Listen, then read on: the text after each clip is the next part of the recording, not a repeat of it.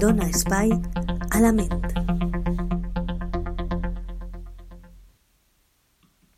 Hola a tots i totes, benvinguts una setmana més a Dona Espai a la Ment.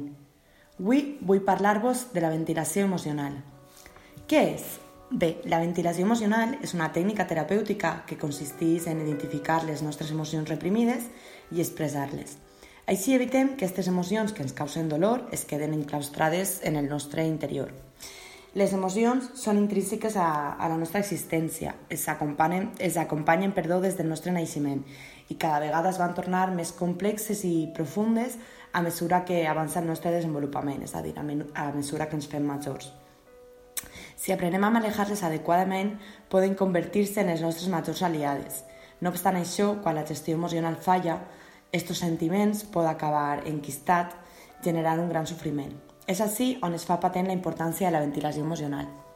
Des de xicotets aprenem a classificar les emocions en positives i negatives.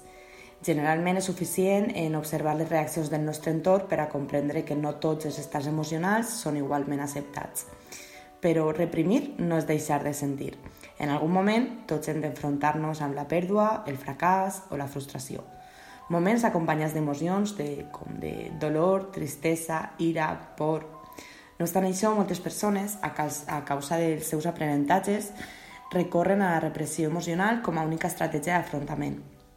Opten per negar i ocultar la importància que el succés ha tingut en la seva vida. Fingixen que tot està en ordre, que tot està bé.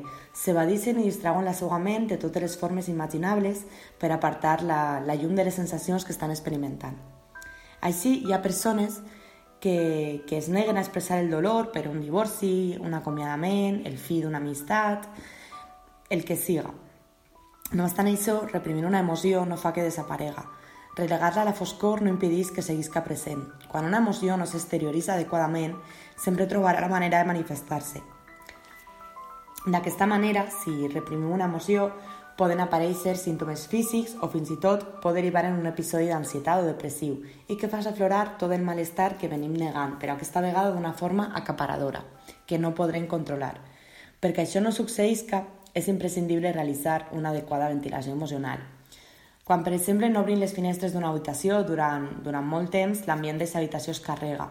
El mateix succeeix en el nostre interior, quan comprimim les, el nostre món emocional, les nostres emocions. La ventilació emocional consisteix simplement en donar eixida a aquestes emocions que dissimulem o ignorem. Moltes vegades, el temor a mostrar-nos vulnerables o a ser juzgats ens impedeix compartir amb altres el que sentim. No obstant això, és veritablement important que aquesta eixida emocional es, es produïsca per a poder optar per les conseqüències positives. Bé, com, com fem la ventilació emocional? No és, no és necessari perdó, que facis partícip a qualsevol persona del teu sofriment. De fet, millor acudir a algú de confiança. Una persona en la qual tingues un vincle i sàpies que tot pot proporcionar-te el suport i la comprensió necessaris. Però fins i tot, si no hi ha ningú en el teu entorn amb qui et sentes còmode per expressar les teves emocions, eh, estes, com hem dit abans, necessiten veure la llum, necessiten eixir. Per això, una bona opció pot ser acudir a, a un especialista o inclús quan una persona realitza l'expressió emocional en, en si mateixa. Dedicar un temps a fer una introspecció, escoltar amb calma el que sents i, el que, i acceptar-lo. Posar-li nom a les seues emocions, comprèn el seu origen i valida-les.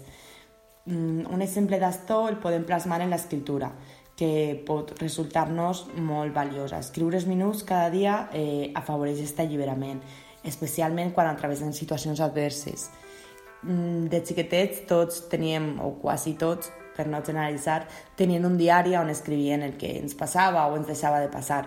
Era una manera de canalitzar les nostres emocions i és algo, no tant com un diari, però és algo que no podem deixar de fer quan, quan som majors i quan creixem. Espero que us hagi agradat aquest post i que us, us puga servir en el vostre dia a dia. Gràcies per estar ahí.